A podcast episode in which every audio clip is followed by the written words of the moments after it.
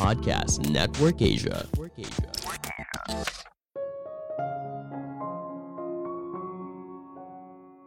Keseimbangan antara rasa takut dan keberanian akan menghasilkan keajaiban hidup yang luar biasa. Halo semuanya, nama saya Michael. Selamat datang di podcast saya, Sikutu Buku. Kali ini saya akan membahas keseimbangan sempurna soal rasa takut dan berani. Setiap harinya dalam diri kita selalu ada pertempuran dari dua hal ini. Keluar dari zona nyaman untuk melakukan hal yang kita sukai, atau tetap di sini karena perubahan itu menyeramkan.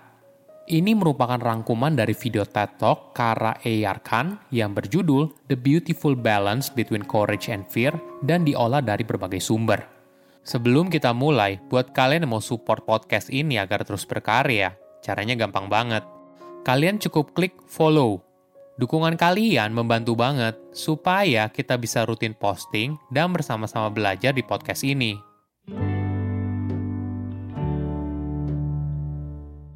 Ketika kita masih muda, kita mungkin adalah pribadi yang berani. Kita punya mimpi yang ambisius tentang bagaimana hidup kita di masa depan. Mungkin kamu ingin jadi astronot atau ingin jadi ilmuwan roket. Mungkin juga kamu ingin berkeliling ke seluruh negara di dunia.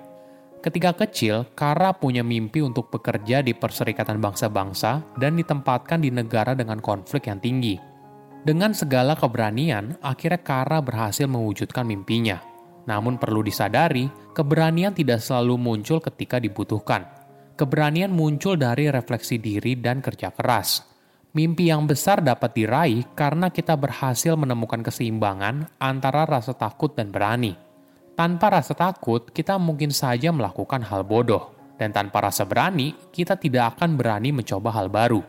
Keseimbangan antara keduanya merupakan tempat di mana keajaiban terjadi Kara bercerita tentang pengalaman hidupnya sendiri. Pada pertengahan 20-an, Kara mulai mengalami beberapa kali jatuh yang tidak terduga.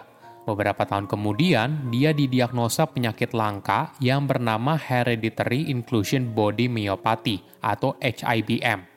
Ini merupakan penyakit di mana ototnya mengecil dan mempengaruhi semua otot yang ada di dalam tubuhnya. HIBM sangat langka dan sampai saat ini belum ditemukan perawatan atau obat yang bisa menyembuhkan. Dalam 10 hingga 15 tahun, penyakit HIBM kemudian berkembang menjadi quadriplegia, yang merupakan kondisi ketika seorang mengalami kelumpuhan dari leher ke bawah. Itulah yang kemudian membuat Kara harus menggunakan kursi roda. Ketika pertama kali didiagnosa HIBM, hidupnya berubah. Informasi tersebut tentu saja sangat menakutkan Kara tidak pernah punya pengalaman soal penyakit kronis atau disabilitas. Kara juga tidak tahu apa yang terjadi pada hidupnya di masa depan. Namun hal yang paling buatnya sedih adalah ketika orang lain mulai memberikan saran untuk membatasi ambisi dan juga mimpinya. Mereka mengatakan kepada Kara kalau dia harus berhenti dari pekerjaannya di Perserikatan Bangsa-Bangsa, tidak ada yang mau menikahinya, dan sebagainya.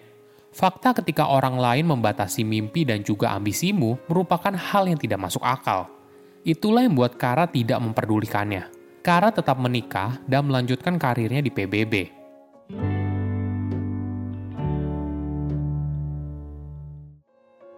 Dalam waktu 10 tahun, akhirnya Kara baru bisa berdamai atas kondisi yang dialaminya karena penyakit ini sangat membatasi aktivitas dirinya, bahkan untuk hal sederhana sekalipun. Namun semua ini tidak membatasi Kara untuk mengejar mimpi bekerja di seluruh dunia. Bahkan ketika penyakitnya mulai bertumbuh dengan cepat, dia masih mendambakan sebuah petualangan besar. Kali ini, Kara ingin menjelajahi jurang Grand Canyon.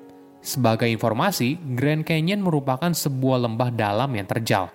Pada dasar ngarai mengalir sungai Colorado yang berkelok-kelok. Tebing batu raksasa ini memiliki warna yang berubah sesuai dengan cahaya, musim, dan cuaca. Saat disinari matahari, dinding batunya terlihat berwarna merah, oranye, dan keemasan. Ketika matahari tenggelam, dinding batu berubah menjadi biru, ungu, dan hijau. Tidak heran jika Grand Canyon memiliki pemandangan alam yang sangat menakjubkan. Ada fakta yang menarik setiap 5 juta orang yang datang ke Grand Canyon, hanya satu persen dari mereka yang berani turun ke bawah. Karena ingin menjadi satu persen yang berani ke bawah. Perlu kamu ketahui, untuk menuruni Grand Canyon itu tidak mudah, apalagi bagi Kara yang sulit berjalan. Namun ketika mengalami tantangan, Kara tidak langsung mengalami rasa takut karena dia merasa kalau pasti ada jalan lain. Inilah yang dilakukan. Apabila dia tidak bisa jalan ke bawah, bagaimana kalau dia naik kuda untuk turun ke bawah Grand Canyon? Empat tahun berikutnya, Kara mulai mempersiapkan ekspedisinya untuk menuruni Grand Canyon dengan kuda selama empat hari, dan delapan hari berikutnya mendayung 150 mil sungai Colorado. Semua ini lalu didokumentasikan menjadi sebuah film dokumenter. Walaupun sudah direncanakan dengan matang, ketika tiba di Grand Canyon, dia baru sadar kalau ternyata dia takut ketinggian. Namun tentu saja tidak ada kata menyerah. Kara pun membulatkan tekadnya untuk terus maju hingga akhirnya dia berhasil menyelesaikan perjalanan.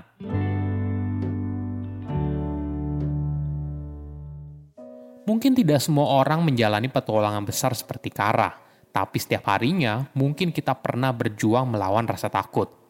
Saat kecil, kita belajar untuk tidur sendiri. Kita belajar untuk tahu kalau tidak ada monster yang menyerang kita saat tidur dan sebagainya. Namun ketika dewasa, menghadapi rasa takut menjadi lebih rumit. Rasa takut membuat kita sadar kalau ada bahaya dan harus menghindar.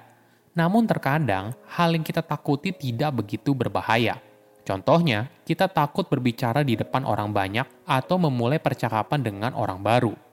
Ketakutan kita mungkin bisa menghambat hidup yang kita jalani. Apa yang bisa kamu lakukan? Pertama, evaluasi resikonya.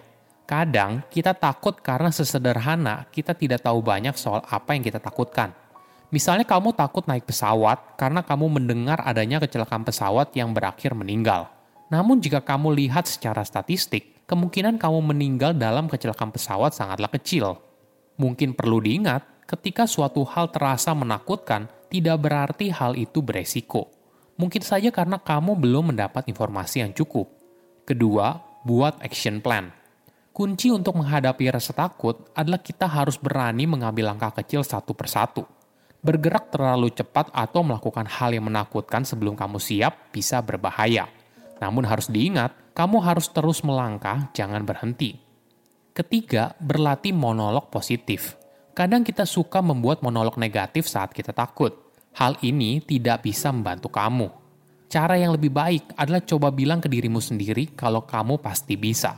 Kamu telah mempersiapkannya dengan baik, kamu pasti bisa. Kadang dalam hidup, kita perlu menemukan keseimbangan antara rasa takut dan keberanian.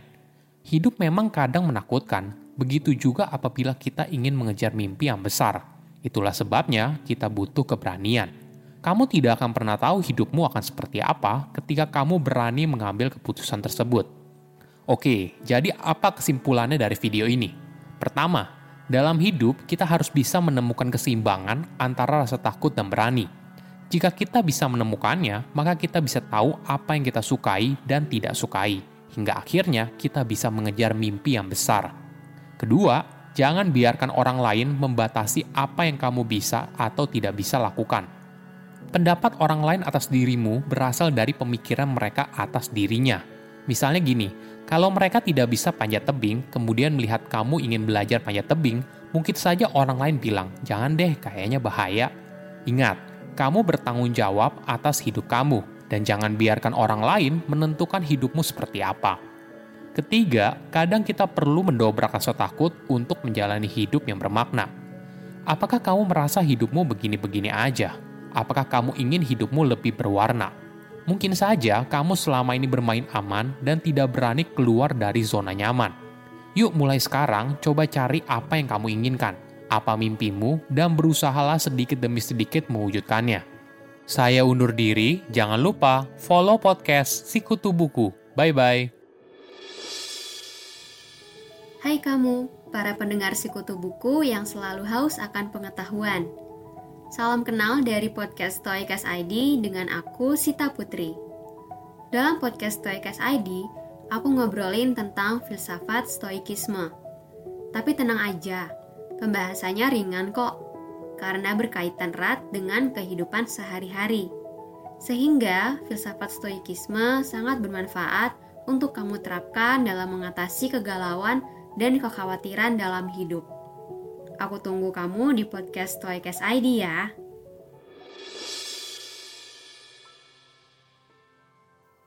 Pandangan dan opini yang disampaikan oleh kreator podcast, host, dan tamu tidak mencerminkan kebijakan resmi dan bagian dari podcast Network Asia. Setiap konten yang disampaikan mereka di dalam podcast adalah opini mereka sendiri dan tidak bermaksud untuk merugikan agama, grup etnik, perkumpulan, organisasi, perusahaan, perorangan, atau siapa pun dan apa pun.